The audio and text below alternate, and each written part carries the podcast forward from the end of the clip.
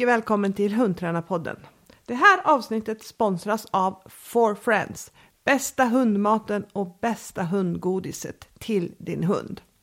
I det här avsnittet träffar jag en gammal, inte så gammal kanske, men en bruksmänniska som har varit med i många år och presterat på topp i väldigt, väldigt många år i skyddshundsgruppen. Och det är nämligen Sverker Lindblad som vi är jätteglada att ha med oss här idag. Hej och varmt välkommen Sverker Lindblad. Det tackar vi för. Jättekul att ha dig med. Du är en gäst som faktiskt ganska många har önskat. Det låter ju trevligt. Ja, kan du berätta ja. lite om din eh, bakgrund i hundvärlden? Min bakgrund är, jag började rätt tidigt. Tidigt 80-tal på Brukshundsklubben med Staffordshire Bull Terrier. Eh, vanlig kurssväng upp till tävlingsgrupp. Eh, tyvärr så gick han bort väldigt tidigt och eh, vid två års ålder. Eh, fick ta över och låna hundar av min syster Ilen Setter som jag på med några år. Eh, fram till militärtjänstgöring 87 som hundförare då givetvis. Ja. Sen har, sen har det snurrat på med egna hundar och från 2000 så har jag jobbat inom bevakningsbranschen som eh, hundförare och instruktör. Ja, och som eh, uppfödare och som tävlande. Uppfödare. Ja, tävlande är ju sedan eh, tidigt eh, 90-tal. Eh, blandad kompott med chefer och första SM 97. Eh, uppfödare sedan 2002. Ja, så det, det har snurrat på hela tiden. Däremellan har det varit ganska mycket hundar som har kommit och gått. Ja, ja. Du har en valpkull nu va? Nu har vi en kull på sju eh, små valpar som blir 14 dagar, eller var 14 dagar i lördag. Ja, härligt. Vi får se vad det kan bli. Ja. ja, då är det ganska lugnt än så länge då? Ja, det är jätteskönt. Är det. Ja. Mamman är jätteduktig och klarar sig själv jättefint. Så att, eh, men det kommer en liten hektisk tid om några veckor. Ja, kan tänka mig det. Vad har du för hundar idag? Idag har jag en eh, mallehane som är åtta år som heter Kaiser. En eh, returhund som fick tillbaka när han var ungefär ett år. Eh, han höll inte måttet för att bli polishund och sen fick han stanna kvar och han har genomfört fyra SM med skydd. Eh, ja, årets skyddshund 2017. Ja, lite en intressant hund som har varit lärorik. Inget avelsmaterial, men han har varit rolig att ha att köra med. Han är godkänd som både väktare skydd och som specialsök i EDD också. Ja. Sen har jag McCoy, också en returhund som jag fått tillbaka. Som jag nu tävlade SM med skydd med 2019 och 2021 med silvermedaljer. Eh, ja, också en hund med mycket driv och vilja. Men han har, han har fått föra sina gener vidare också det ser jättelovande ut. Ja. Och sen har jag brutit min mallebana lite och gått tillbaka till chefer så jag har en Furesas Bob som... Eh, så vi får se lite vad det blir av. Han är två och ett halvt nu. Lite omogen men vi tutar på och tränar på som vi ska. Han är lite god, han är godkänd på jobbet också som bombsökande. Ja, Ja, det, det, den har jag fått lite frågor om, men det kommer jag återkomma lite i slutet där om om, eh, om yes. din chefer faktiskt. Ja. Helt klart. Men eh, vad, vad intressant och vad spännande att eh, du har fått tillbaka omplaceringar som du har tävlat med och det har gått så himla bra. Ja, men jag tycker det är ganska kul och intressant. Alla hundar passar ju inte alla förare. Eh, och lite, jag tycker om att... De jag fått tillbaka, det har ju varit problem för förarna. Eller de har inte räckt till. Eh, sådär. Så det är ju egentligen tre hundar som jag har tävlat upp i SM som är returhundar. Det är ju Hexa som Antika tävlade med för några år sedan. De eh, genomförde tre SM med skydd och hon var ju egentligen ganska låg och bedrövd när hon kom tillbaka. Det var en trevlig hund men hon hade visat inga skyddsegenskaper. Ville knappt leka och busa men eh, ja, något år senare så visade hon bra glöd och fart och fläkt. Ja, ja det visar ju om inte annat hur mycket man kan påverka Ja, men det, man kan påverka oerhört mycket som förare och hjälpa fram hundarna och lyfta fram egenskaper som kanske ligger dolda, men de finns där. Ja. ja. Det gäller att hitta de här nycklarna och få fram verktygen så man kan jobba med hundarna. Du, du har inte i något läge känt att, eh, jag, jag har nämligen en omplacering nu, en border collie i och för sig som är lite dryga året och, och och jag kan känna ibland liksom att, men herregud, vissa saker tar, det blir en sån omväg i träningen när hunden har fått lärt sig fel från början. Har du, har du känt så någon gång när du har fått dina... Jo, men det, det har jag. Man tar han Kaiser, han var fruktansvärt benägen på att jaga vilt, eh, rådjur, han bara låste. Eh, han var jättemjuk i dressyren, han hade inget gripande nästan och han var hysterisk när man i vissa lägen. Så han, han var ju jättesvår. Men eh, samtidigt så la jag upp en plan, en målbild för hur jag skulle bete mig och bestämde mig för att ja, men det här ska gå. Eh, och med envishet så, så funkar det. Sen blir det ju aldrig top notch. För det finns ju brister som man får med sig och det får man vara medveten om och acceptera. Då får man försöka få igen de bristerna och lyfta upp andra delar som man kan få bättre istället. Då. Ja, det där tycker det jag... Det är som jag har med skyddet, att vi har så många olika moment. Att de behöver inte vara bäst på allt. De ska vara bra på allt, men de behöver inte vara bäst. Det kan man ta igen på andra delar. Ja, ja det där känns ju som en väldigt liksom sund inställning som, som säkert leder träningen framåt. För annars så tror ja. jag att det är så lätt att fastna i, eh, ja, men i vad hunden har för brister. Precis, ja, men jag, jag vill först ska jag hitta ner vad hundarna har för förtjänster så jag kan överbrygga bristerna. Och det, det har alla hundar på något sätt. Ja, utan tvekan. Mm. Du har ju jobbat med ganska många olika hundar idag och lyckats väldigt bra. Vad tror du att du har gjort för att klara det och vad är det viktigaste du har lärt dig av dina hundar? Ja, det blir väl automatiskt när man, är, man sätter upp ett mål, ett slutmål och det är för mig det är ju mig till SM i skydd. Det blir som en, ett sjukt beteende nästan man, man hamnar där och då, då lägger jag ju upp en plan och liksom, man känner och ser vad har hunden för egenskaper, vad behöver jag jobba på?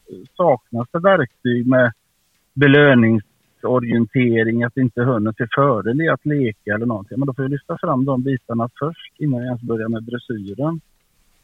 Så vi får en dialog, ett samarbete och vi förstår varandra. Och då blir dressyren i sig sen mycket lättare. Ja. Ja. Och sen, sen köper jag att vissa hundar inte kan prestera på topp eh, i vissa moment. Det, är som, det handlar om, för min del, en total på slutet. Att få så många poäng som möjligt. Och sen, jag tävlar inte så mycket mot andra utan blir mer mot mig själv och då sätter jag upp individens mål. Och vissa individer jag kört känner jag de här kommer aldrig kunna bli en vinnare på SM. Men jag kan ta mig dit.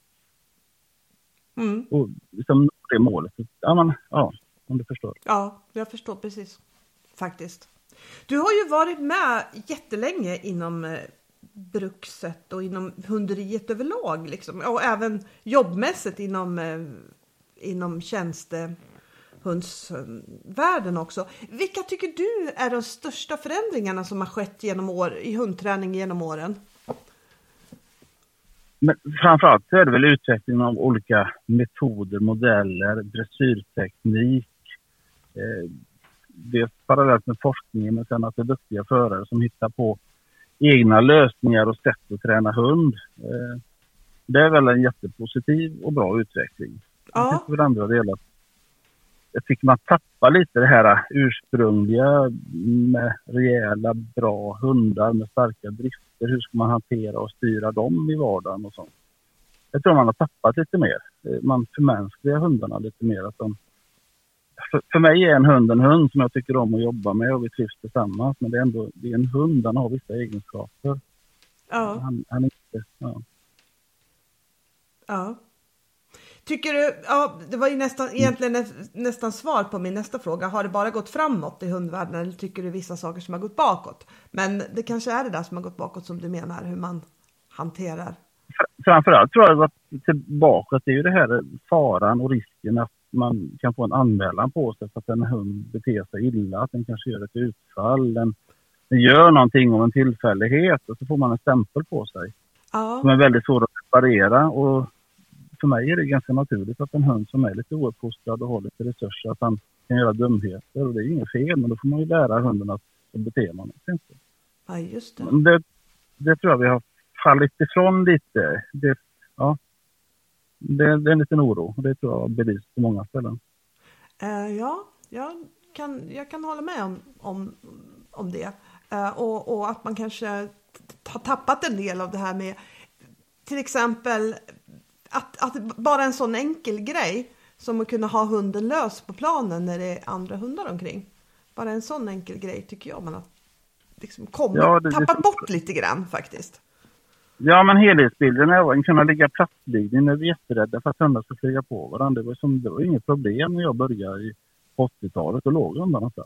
Ja, jag, jag vill också minnas det, men, men jag, jag, brukar försöka, jag brukar tänka så här, är, är det jag som minns allt i rosenrött eller, eller, eller var det verkligen lugnare på den tiden? Det, ja, men det kanske... ja, men vi förhandlade inte på samma sätt utan lärde vi dem plats och så fick de ligga. Det var som inte, ja, nu gör du det här, nu går jag och dricker kaffe och du ligger still. Ja. Ungefär. Ja. Mm. ja. Vad, vad tycker du krävs för att få ett bra samarbete med hunden? Ja, men det, det krävs ju en ömsesidighet att eh, jag, hunden ska få imponerad av mig och jag ska vara imponerad av hunden. Vi ska ha kul tillsammans när vi gör saker. Eh, samtidigt, det är många delar och många individer kräver olika sätt för att få ett samarbete. Eh, vissa hundar jag har kört kräver bara socialt engagemang, uppskattning och beröm så är de jätteglada och riktiga. Eh, andra kräver att jag förstärker med lite resurser och skapar situationer istället. Ja. Kan du, kan du ge ett, ett exempel på vad du menar med det? Ja, men han, McCoy har nu, han, han gör ju saker för sin egen skull. Men då får han ju lära sig att om han, han, ser, han får fördel om han gör det för mig, då kommer vi göra någonting som ger en belöning. Och liksom, jag, jag tänker, med hans del, om han kör igenom ett helt lydnadsprogram i Bruksöt så kommer han få en fördel när vi går av plan. Ja. Och han, han går inte på planen för att han tycker det är så kul att gå med mig, men han har lärt sig att det är väldigt roligt att gå med mig för att han får fördel av det. Ja. Det är svårt att ge ett exempel, men det är väldigt individuellt det där. Och en sån hund som Kai, han skulle gå en evighetslydnad för han tycker det är så skoj att vara till lag. Mm. Mm. Då kan jag spinna på det istället. Om jag säger metoder i hundträning, vad, vad tänker du på då? det är olika varianter, men metoder, modeller som man kan använda. Och det, det gör vi väl sådär. Men jag tycker det är ganska roligt att om jag har en metod som jag vet fungerar så är det inte säkert att jag använder den. Eh, så vill jag hitta på nya metoder istället. Och klura ut och hitta nya lösningar på problem. Och lite, det kom väl med, här med metoder att man gör en metod, men man förstår inte varför man gör den på just den individen. Man tänker inte efter innan, kommer det här fungera? Utan man testar en metod för man såg att någon annan gjorde det. Ja. Eh, och det försöker jag tänka mig ner. Jag, jag, jag funderar ju mycket på hundträningen, kanske inte lika mycket praktiskt, men jag tänker igenom innan med en variant av metod. Fungerar det på min hund? Nej, det kommer nog inte få den utdelningen nu. Men längre fram sen kanske det är bra att använda. Ja. Eh, vad, om, om jag säger så här då, en, vad, är, vad är det som avgör om en metod är bra eller dålig? Det är ju resultatet på individen. Eller ja.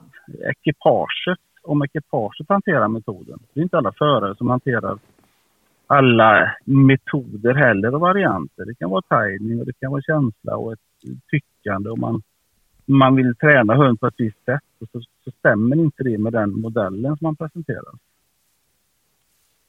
Eh, vad, vad, är en lydig hund för dig? En lydig hund för mig, det är väl gamla traditionella, det är en lycklig hund.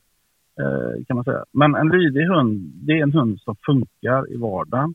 Eh, han kan koppla av i bilen. Han kan fungera ute i samhället. Han stör inte sin omgivning.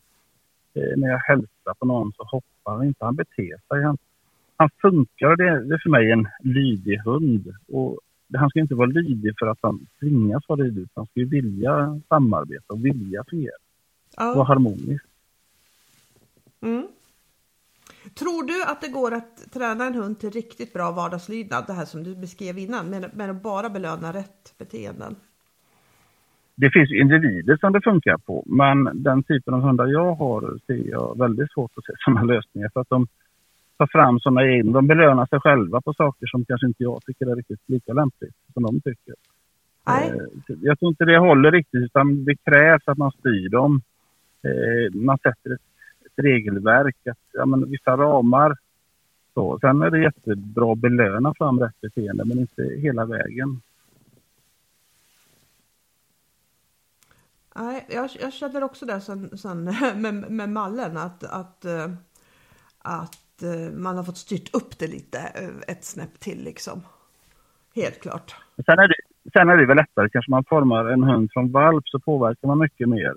Flera av de hundarna jag har är, tävlat med, det är sådana som kommer tillbaka som har haft med sig vissa problem och då handlar det inte om att belöna beteendet, det handlar om att bryta felbeteenden. Ja. Jag kan inte belöna bort det, för då tar det en evighet.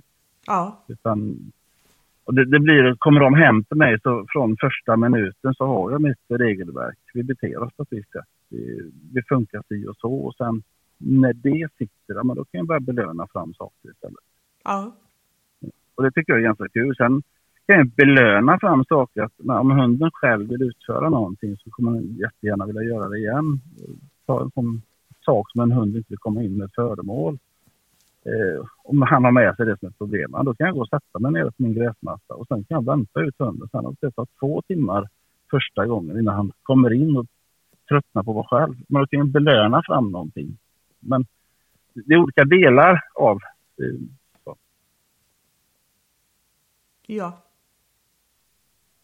Jag kanske låter lite snurrig, men det, ja. Ja, men jag, jag, många av de här sakerna är inte så himla lätt att förklara. Det är, så, så är det Nej. faktiskt. Det, jag jag kan nog väl förstå vad du menar, men, men jag tror att ja, ibland är det svårt att sätta ord på, Mm, på saker faktiskt. Eh, om du nu har en sån här pass eh, lydig eh, hund och som funkar bra i vardagen. Hur mycket tycker Mm. du det påverkar träningen mot tjänst eller mot sport? Men, ja, ja, men visst gör det det, för då har du ju ett bra samarbete. Du har en bra relation till hunden och det funkar. Men eh, jag känner inte att jag har min vardagslydnad med mig ut på skyddsplanen eller i de olika momenten. Eh, där försöker jag nog tänka på att jag har, jag har olika relation till hundarna beroende på vad jag ska göra. Vi har en, ska jag ut och köra lydnad så då har vi en viss form av relation mot varandra. Och ska vi ut och köra skyddet så har vi en annan relation på planen när vi går ut. Eh, ska jag spåra så beter vi oss på ett annat sätt. Eh, eller söka eller köra uppletande. Så eh, Visst, den påverkar men den, vissa hundar och ekipage kan ju en bra vardagslydnad hemma utförande också. Att det blir frågande mot föraren. Det det blir så individuellt vad den vill. Ja. Absolut. Du har ju varit både uppfödare och tävlande i ganska många år. Tycker du att den kombon har gett dig någonting som uppfödare? Ja men det har den ju självklart. Många av de hundarna som jag har avlat på har jag ju tränat med och jag har tränat många led bakåt. Så jag, jag ser ju många röda trådar som följer med som man kanske inte ser på tester och andra situationer utan det, det ser man först när man jobbar med hundarna. Eh, samarbetsvilja, konflikthantering i vissa ute i dressyren. Eh, sen är det ju andra delar. Jag har ju slått ut många från avel också på grund av att jag ser saker i vardagen som jag inte tycker om. Det kan vara jaktintresse, en hund som är uppenbart söker upp eh, dofter av vilt. Och det, det ligger mycket genetiskt och det är ju svårt att mäta. Eh, Så det gör att när jag jobbar med hundarna så ser jag ju sådana bitar Ja. hur de funkar. Eh, och samtidigt så vill jag ju avla fram hundar som jag själv vill jobba med. Och jag vill ha hundar som har samarbete. De ska, de ska inte vara inställsamma och fjäskiga men de ska vilja till mig som en resurs. Och det ligger också inte... Dels är det ju en inlärningseffekt att man lär hunden det men det ligger också väldigt mycket genetiskt. Att hitta en balans där. Tycker du att eh, mallarna har förändrats mycket genom åren från det de kom tills idag? I Sverige alltså? Nej, men det tycker jag nog egentligen inte eh, faktiskt. Om man ser. Sen var det nog spretigare kanske i början. Det fanns ju vissa linjer som inte var riktigt sociala, de var inte hanteringsbara och där har det blivit mycket, mycket bättre. Eh, många veterinärer i början var ju rädda när det kom in en malle. Så kom det in de här varianterna som kom sen lite snällare så blev det nästan oj vad, vad, vad de fungerar bra, lite chockade. Och det, det tycker jag blev positivt. Det tror jag ligger kvar men det ligger väl att vi mäter mera våra hundar att de ska fungera i samhället också. Det är en viktig del. Ja. Eh, nu blir jag nyfiken på en fråga till som jag inte har skrivit här men som jag tar, tar lite, lite random. Här. När du, mm. när, om, om, vi säger så här, när du, när du jobbar med avel och uppfödning och, och du, du liksom, eh, tänker du att tävling och tjänst, att det behövs ungefär samma saker där? Eller tycker du att det är stor skillnad i vilka egenskaper som det krävs av hundarna? Och hur lägger man sig rätt där liksom? Nej, men för mig, den optimala hunden är ju den som funkar hemma i familjen, och är snäll och god och allmänlydig. Men ändå ska funka i vad jag än vill göra med den. Eh, om det ska bli en sporthund eller en tjänstehund. Det, för mig är det i grunden samma hundtyp. Sen krävs det olika saker i förlängningen av dem. Men i grunden är det samma. Och jag hade en, en kull för många år sedan där vi hade spridning från eh, tävlande i agility-VM till SM i spår från och några tjänstehundar i samma kull. Och det var ju bara tillfälligheten att just den valpköparen fick just den hunden i urvalet. Ja. Det, det hade nog individerna passat i vilket som och det är väl det jag försöker ta fram. Sen är det inte alltid man lyckas alla kullar men det tycker jag nog. Ja, ja. Och, och liksom vilka skulle vara, vilka är de här om du skulle bara nämna några delar som du verkligen vill ha med dig eh, när du planerar en kull, eller som du verkligen önskar att valparna ska få med sig? Ja, men det, dels är det ju själv, givetvis en drivkraft att kunna jobba tills, eh, lite som Mallen gör, de jobbar tills de stupar. Eh, de känner inte efter, de tar i. När det tar emot så tar vi i lite mer, lite jävlar anamma. Det är jätteviktigt. Men har du en sån hund och den inte kan samarbeta så blir den jättesvår. Ja. Så det krävs det att man ska kunna bryta den när den ligger högt i drift eh, och inte bara mm, att han låser i beteende. Eh, så att han har ett öppet sinneslag i samarbete. Sen är det ju avkopplingsförmåga, kunna koppla av innan jobb och kunna koppla av efter jobb.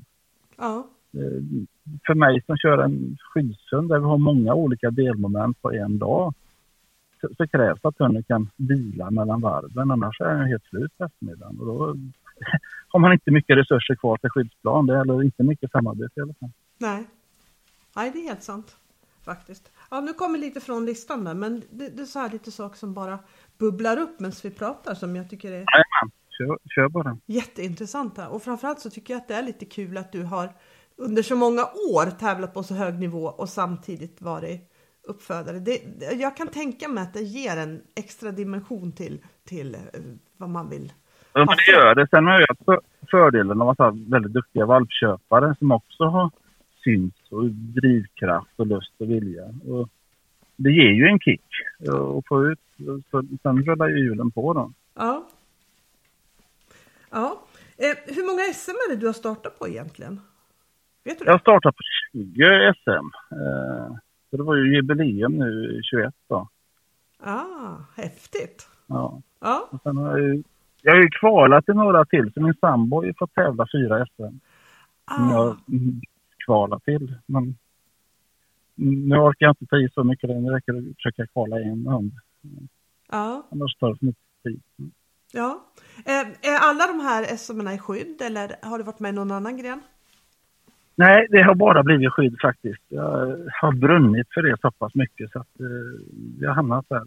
Ja, ba bara kanske man ska säga, men, men liksom. ja, men det blir men det är som ett, en sjukdom. Man bara, nej, man vill inte missa SM. Jag har ja. ja. Det är 2006 och 2010, annars har jag rullat på. Ja, det måste vara någon typ av rekord. Ja, jag tror det faktiskt. Ja, jag kan faktiskt inte komma på någon. Utan att, utan att liksom vara helt säker, men nej, jag, ja. nej, det kan inte vara någon mer som har, som har mm. gjort det faktiskt. Eh, vilket SM minns du bäst då och varför? Nej, men det, den frågan är väldigt svår för det kommer i vågor faktiskt. Eh, bilder från olika SM och situationer. Tyvärr, det man minns mest är ju det man har missat lite och bommat. Ja. Eh, det är inte de här eh, lyckorus-stunderna utan det är lite tävlingsmänniskan igen som gör att ja, en, en omstöt där eller en grej där, det, det är det man ser framför sig. Ja. Sen är det ju, det är med helheten, hela bilden är ju, allting har ju en speciell situation. Alla hundar jag har kört på SM, det är nio stycken olika individer som har tävlat. Och alla de har ju varit på olika sätt. Eh, spännande på sina sätt att köra och det, det gör att det, ja, det, det poppar upp lite olika minnesbilder. Ja. Ja. Eh, och, och likadant så kan det poppa upp lite svar på varför det sket sig. Nolla uppletande på mitt första SM, med min första, eller inte, nej, inte första SM, men första med turen med Malden som nollade uppletande. Och tre år senare så kom jag på vad det berodde på. Dels var han väldigt ung och omogen, han var bara två och ett halvt år. Men eh, Eh, på vägen upp till uppletanderutan så var det en hund som gjorde utfall mot honom och han svarade upp mot det där. Och då låg han helt fel funktion. Men där och då hade jag inte en tanke hur jag kunde reparera det. Men det poppade upp sen och efter det har det aldrig skett. Ja, just det. Just det. Ja, det blir ju intressant när man har så många gånger på sig som man kan jämföra och, och utvärdera. Och det ger ju en, liksom, ja, man... en ganska unik kunskap om, om just att, att tävla SM i skydd, om man säger så. Ja, precis. Man, man kan inte träna på allt, det går ju inte. Men, men man kan försöka gardera upp väldigt mycket istället. Ja, helt sant. Vad, vad, vad, tror du är, vad tror du det är som har gjort att du har presterat så bra år efter år? Det handlar nog om att dels har jag en målinriktning från start när jag startar en hund, hur jag vill att den ska fungera sen eh, utefter individens förutsättningar. Men eh, jag, jag, när jag tävlar SM och tränar inför SM så jag kan fokusera väldigt mycket på det jag gör där och då. Eh, mentala förberedelserna är lika viktiga som själva dressyren i sig. Eh, och veta statusen. Var måste jag vara beredd att hjälpa min hund till att prestera? Eh, vara förutsägbar lite grann. Eh, hur kan jag få in den i, så att vi kan ligga kvar i bubblan? Och går det fel, hur kommer jag tillbaka? Eh, så jag, jag tränar mycket. När hundarna kan saker så tränar jag överkurs. Eh, jag tränar att de kan fastna på en fläck på krypet för att sen krypa ifatt mig för att inte bomma. Eh, lite sådana där grejer. Och det tror jag gör att man vinner i längden på det. Man får en hög lägstanivå. Även om man missar lite så bommar man inte helt. Då. Just det. Och framförallt när man tävlar att man är där och då. Man, även om man bommar så tittar man inte tillbaka utan man analyserar tävlingen när den är klar, inte under pågående tävling. Utan då är man inne i det momentet där och då. Det, det, det är bara att mållåsa sig. Ja. Och fokusera och inte tänka på sin omgivning utan man är själv. Och jag kan ju träna som ett SM-program även på gräsmattan hemma. Jag går in i bubblan och låtsas att det finns domare, publik, tävlingsledare och sådär. Och jag har ju momentförberett hundarna och kört igenom dem så att vi har samma känsla hemma som vi har när vi ska ut på SM. Ja. Det tror jag är jätteviktigt. Och sen också framför allt, det kanske kommer lite fråga sen, men man, hundarna måste ju kunna... Kan de inte jobba igenom hela momenten eh, ut på träning utan belöningar och bryt så är det väldigt svårt på tävling sen. Man har förberett dem på alla delar.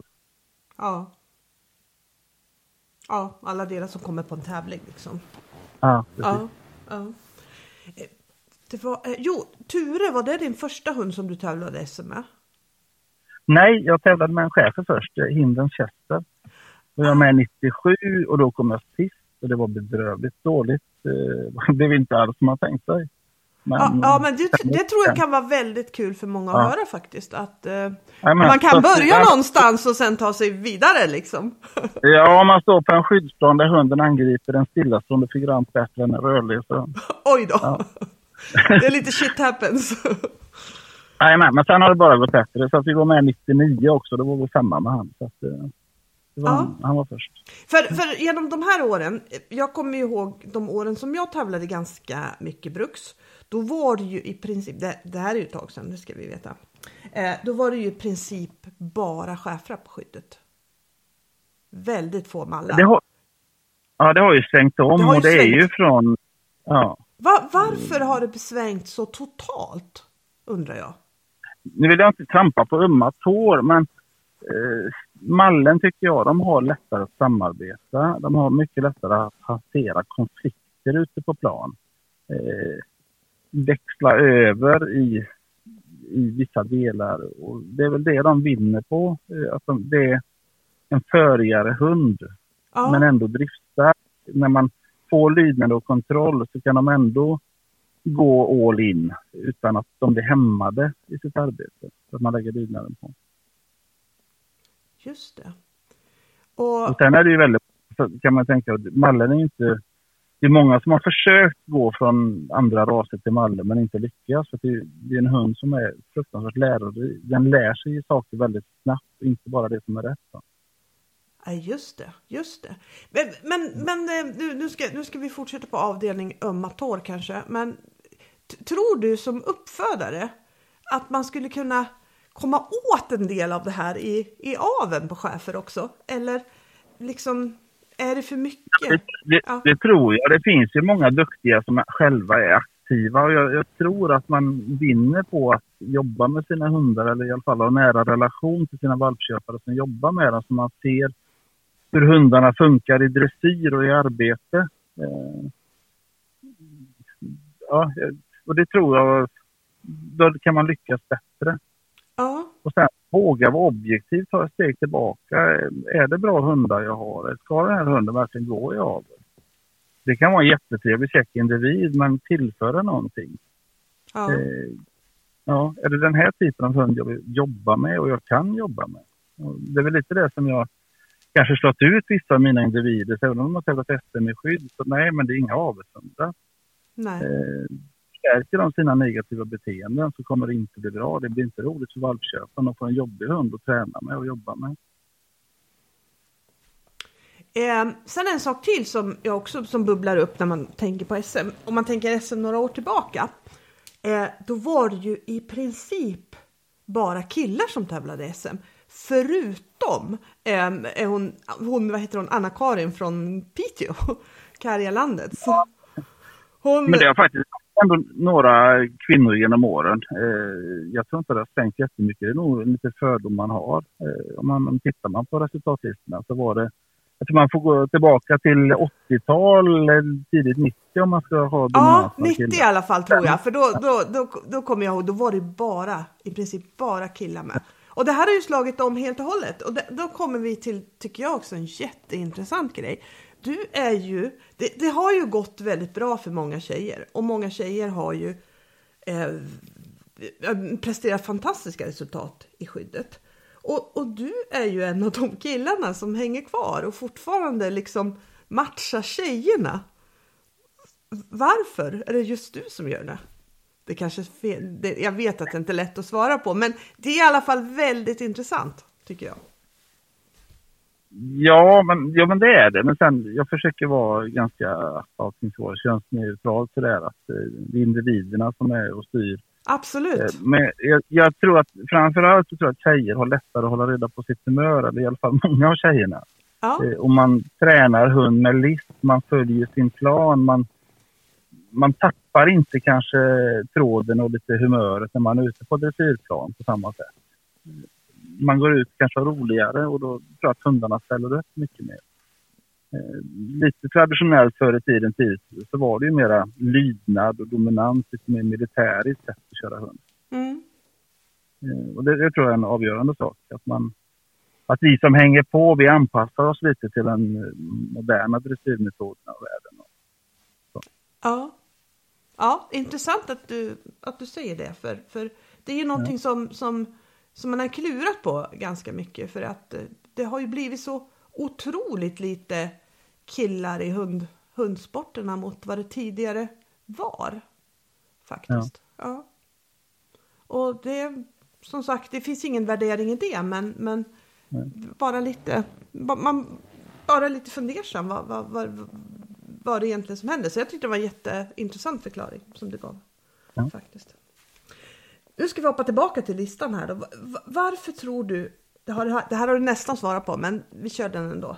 För den här kan vara bra att få till. Eller det här kan vara bra att prata om ännu mer. Varför tror du att så många har svårt att få till helheten på tävling? man är inte förberedd. Man eh, kanske inte har lärt känna sin hund i de här situationerna som kommer där. Och man har inte, det är ju de här mentala bitarna, du förändrar det lite med på ditt sätt att vara och bete dig och eh, låta. Så hunden undrar vad är det som händer och då tappar ju den fokus och sin röda tråd och trygghet. Och jag tror man är inte riktigt förberedd eh, för de här situationerna. Eh, man har inte träningstävlat själv, man har inte jobbat igenom, som jag nämnde tidigare, att man har inte kört igenom hela programmet rakt av utan belöningsform. Eh, det, det, det tror man kan bli, det krävs inte mycket för att bli bättre på det och vara förberedd. Ja, just det. Vilka tips skulle du ge då? Det är att träna mer, mer på hela programmen och träna mer på helheten. Våga träna igenom programmet och även om det blir lite fel så måste hunden lära sig att det är okej okay att göra lite fel. Vi kör vidare. Ja. Eh, För det kan också bli att man, man är så himla rädd att det ska vara så perfekt och den får inte göra fel någon gång. Man gör hela tiden om och gör rätt. Och det, ja, man går inte vidare efter ett snett sättande eller att hunden kanske har stått i en halv. Så de har korrigerat det på träningen. Men på tävlings, tävlingen så hamnar man där och då är inte hunden van att jobba vidare som ett felläge. Mm. Och även om det kanske bär emot att träna ibland med fel så tror jag det är bra för hunden att känna sig trygg att den får göra det. Ja. Ja. Eh, vi ska hoppa över lite på, på, på skydd. Vilka, vilka delar tycker du är svårast att få till? Ja, men, det är ju delar, det är ju, korgarbetet är ju jättesvårt att få till bra. Fasttagandet är väl nästan det momentet som folk har svårast att jobba fram. Ja. Men, men sen tänker jag, svåraste skyddet är för mig, det är ju att veta hur ska jag kunna få en hund att hålla i 15, kanske 20 starter i elitskydd under några års tid. Eh, få en bibehållen dressyr. För att bara få upp, för mig, bara få upp en hund i elit kräver inte jättemycket. Men få den här återupprepningen i skyddet. Det, den helheten är jättesvår att få. Ja. Att kunna hålla. Det får man ha med tycker jag ganska tidigt i dressyren. Hur ska man få en hållbar bild för hunden? både fysiskt, att den inte går sönder, men även mentala bitar. Ja. Och där kan man kanske gå i fällan att man vill för mycket för tidigt. Man höjer hundarna högre än vad den kanske är mogen att hantera i drifterna. Eh, man får skynda lite långsamt och bygga en plattform för att hundar kommer alltid göra fel men då ska man kunna gå tillbaka till någonting som är tryggt för hunden. Ett grundsystem Eh, sen vilken variant man har i system, det tycker inte jag är så jätteviktigt. Men bara man följer den här tråden så man har en trygghet att gå tillbaka på. Ja. Ja, ja det är ju väldigt många delar just i skyddet med spår och sök och... Ja, men det är det. Och sen är det så väldigt mycket olika individer som har olika förutsättningar och olika vilja. Vissa hundar är ju jättelätt att sätta på en munkorg och så gör man en förflyttning så smäller det bara. Eh, det är inte jättesvårt. Men den här hunden som inte vill stöta och inte vill, eller kanske få korgproblem och mm, då blir, det, då blir det jobbigt och då tar det mycket längre tid helt plötsligt. Ja. Ja. Tänker du på något speciellt? Eh, eh, eller tränar du fys eller tänker du på något speciellt i träningen just för att de ska bli starka och klara en hel dag? Som det då blir ja, ja, men det gör jag. jag. Jag har ju haft hundar som har varit i uppstart väldigt klena. Jag vet Dödstrix var en egenfödd som jag tävlade med för många år sedan. Och han var ju jättemjuk och jättekänslig när han fick en liten smäll när han var ung så bara han skrek och tyckte synd om sig själv och sådär.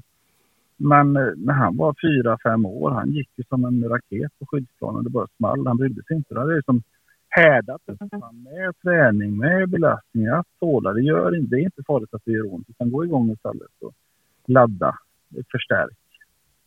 Och det, så det är inte bara momentträningen som ligger i, utan det handlar om att bygga individens självkänsla och tro på sig själva. Eh, de ska vara kungar när de kommer ut och de ska tro att de är det. Mm. Har du har du någon gång varit sugen på någon av de andra skyddsgrenarna som IGP eller Mondioring eller? Jo, men det har jag. jag. Sen kan man inte göra allting. Det var lite, jag startade ju Ture en gång, eh, bara snabbstartade han är IGP 1, även om det var inte jätteseriöst. Men det var ju kul att pröva på. Eh, tanken var lite med chefen att gå in mot IGP, men jag känner att han och jag inte mogna för det nu. Men det kanske blir det sen. Eh, det får vi se. Se var det landar. Ja. Eh, men jag är väldigt nyfiken. Jag tycker om att titta på de andra grenarna. Jag tyckte om när Mondeo Ring kom. Det var ju, Jonas Wallén hade ju en, en som en akkull. Eh, så det fick man ändå bra bild. Så jag var med. Men eh, man lär sig mycket av de andra delarna. Tar med sig de goda bitarna. Man, man utvecklas hela tiden. Ja. ja, det gör man verkligen. Verkligen. Ja. Och jag håller med. Alla tre grenar är väldigt, väldigt roliga.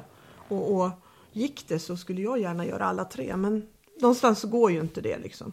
Eller det går inte. Nej, det är svårt för hundarna att växla över. Så, Ja. men, eh, Och tiden att få till. Men, men jajamän. alla, alla är sjukt kul i alla fall. Ja. Tror, du, tror du att man kan få fram en riktigt bra skyddshund genom att bara belöna, belöna rätt beteende då? Nej, det tror jag faktiskt inte. Utan det krävs ändå lite eh, styrning, lite kravställning. Eh, sen är det väl bra att belöna fram vissa delar i det. Det, det är jättebra, då stärks de. Men det räcker inte. Man, det krävs mycket mer. Och jag använder ju på vissa hundar använder jag ju min lydnad med lite press och tryck för att lyfta hunden. Så att den, ja, alla har inte de resurserna som man bara kan belöna utan det krävs lite annat kompletterande Ja. dressyr. Ja. Ja. Om, om, om du Ja. fick lära hundtränare några saker som du verkligen skulle vilja att de både kunde, liksom, kunde och förstod liksom, i träningen. Vad skulle det vara då? Nej, men det, det är väl ha gre- rätt förutsättningar innan man börjar inlärning. Har jag ett fungerande belöningssystem? Eh, vet Vet hur det funkar? Har, eh, liksom skapa en grund där hunden tycker den om när jag säger bra, du är duktig. Om inte gör det, då måste man lära dem det först. Man, jag tycker många har snabbt, man går in på moment eh, och delar istället för att skapa den här samarbetsverktygen. Mm. Mm, jag förstår precis vad du menar. Det är, lätt, det är lätt att slarva lite med de delarna och istället för att göra klart dem så får man jobba med dem resten av hundens liv sen istället för få Nu var det en som ringde och störde samtalet där lite, så det bröt lite tyvärr. Aha, okej. Ja, jag hörde inte det sista du sa, men ja. Eh, dö, dö, dö, dö. Nu läs, läser jag på min... Vi, vi, skippar, vi skippar den bara. Så fortsätter vi bara, tänker jag. Eh, vad, vilka misstag tror du är vanligast när man inte får till träningen? Misstag? Det är svårt att säga. Jag tror man... Misstag man gör, man... Man kanske... Man har inte planerat sin träning. Eh, hunden kanske inte är rätt sinnesstämning. Man har inte, man har inte rätt förutsättningar när man startar. Eh, det tycker jag många gör. Man går ut och gör en aktivering. Man ligger inte rätt och man gör inte en summering efter heller. Dels efter passet men även efter några pass. Hur är utvecklingen? Hur, vad händer? Vad sker? Vart är jag på väg? Eh, det, det tror jag man, man kan bli bättre på. Mm. Mm. Och sen tycker jag att väldigt många har ofta svaren själva. Och jag försöker få folk, när jag hjälper andra, att de själva kommer på och hittar lösningar som funkar för dem. Eh, så att de, de får ett eget sug. Att ja, kunna ta sig framåt. Då. Mm. Mm. Om, jag har en fråga som man inte kan svara på egentligen, men som i alla fall är jättekul att ställa. Eh, om- det är det här, hur många procent tror du behövs av förare och hund för att slutresultatet ska bli super? Hur mycket är hunden, hur mycket är föraren? Ja, men, ja, men du kan ha en jätteduktig förare och en helt kass hund så går det inte. Men medioker hund och en jätteduktig förare går jättebra.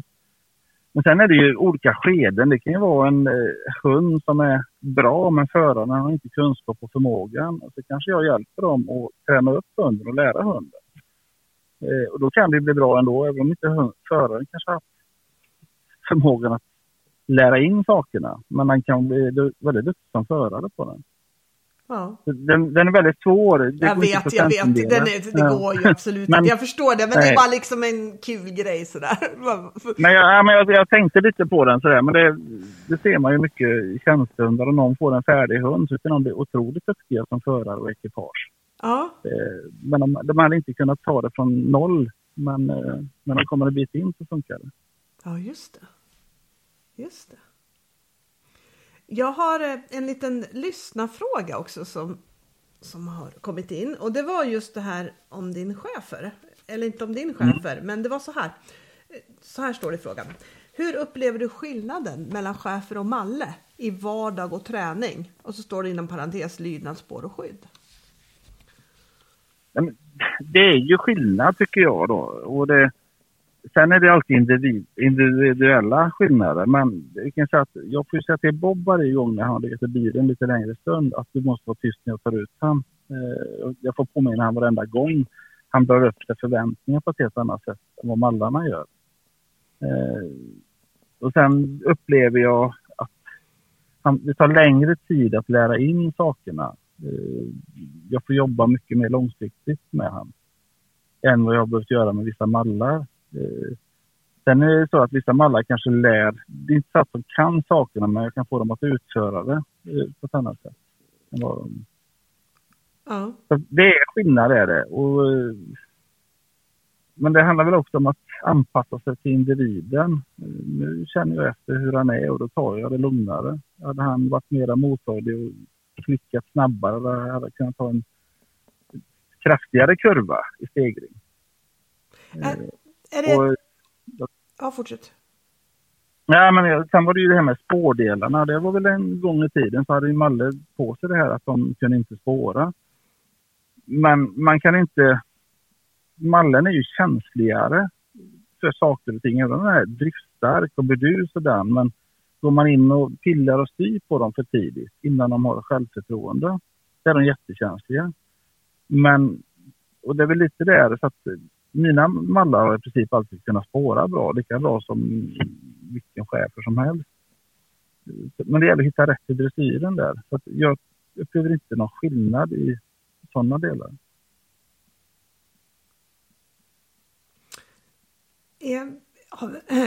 Använder du chefen i tj- tjänsten? I tjänst redan nu, eller? Men han, ja, han, han är godkänd som bombsökande hund i DDD. Ja. Eh, och det gör fint. Eh, så det, det är väl lite, men jag tycker det är roligt med att köra specialsöker som ett komplement till allt det andra.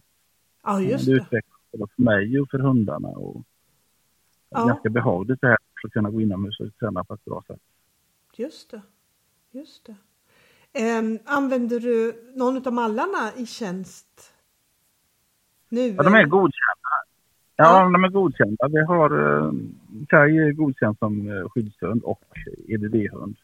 Ja, Och sen har vi kört igång lite med narkotikasök. Så McCoy har jag skolat över på det. Så han, eh, han är ganska bra på att hitta droger och tycker det är skoj. ja, ja. Ja, vad kul! Tycker du att du, du har nytta av din tävlingserfarenhet för tjänst och din tjänst, ditt jobb med tjänstehundar för tävlandet? Jag, jag kan nog säga att från det jag började köra mer specialsök så har jag kunnat utveckla min andra dressyr på ett annat sätt. Att just det där belöna rätt beteende och ha tålamod. Eh, och kunna, det har gett, tycker jag, ganska mycket. Eh, jag är ju.